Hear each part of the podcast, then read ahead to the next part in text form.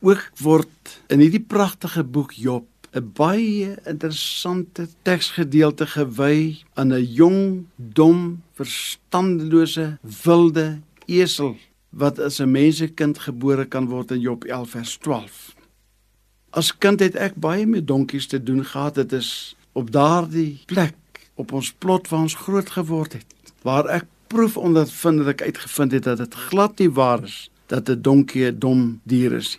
'n Donkie is baie slimmer as wat ons ooit kan besef.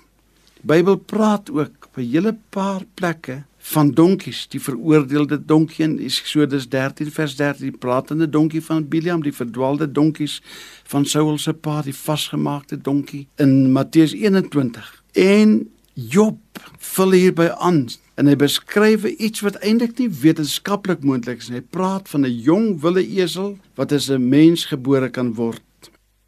Alhoewel dit nie biologies of wetenskaplik moontlik is vir 'n jong wilde esel om in 'n mensekind te verander nie, is dit tog wel geestelik gesproke moontlik deur die proses wat die Bybel van praat as wedergeboorte. Ek het dikwels buffels gesien, jakkalse, honde, tierkatte, selfs padvarke wat mense geword het. Hulle het hulle lewens aan Christus oorgegee en sodoende nuwe skepsels geword. Hulle het soos Esegiel 36 vers 26 sê nuwe harte gekry en die ou harte van klip uit hulle binneste verwyder. Hoe mooi is dit as 'n mens nuut kan begin dink en nuut begin lewe as jy Christus in jou lewens verhaal innooi en saam met hom die pad kan loop.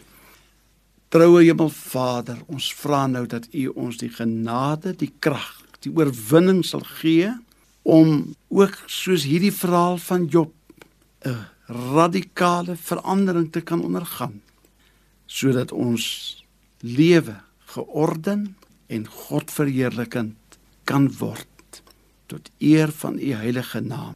Amen.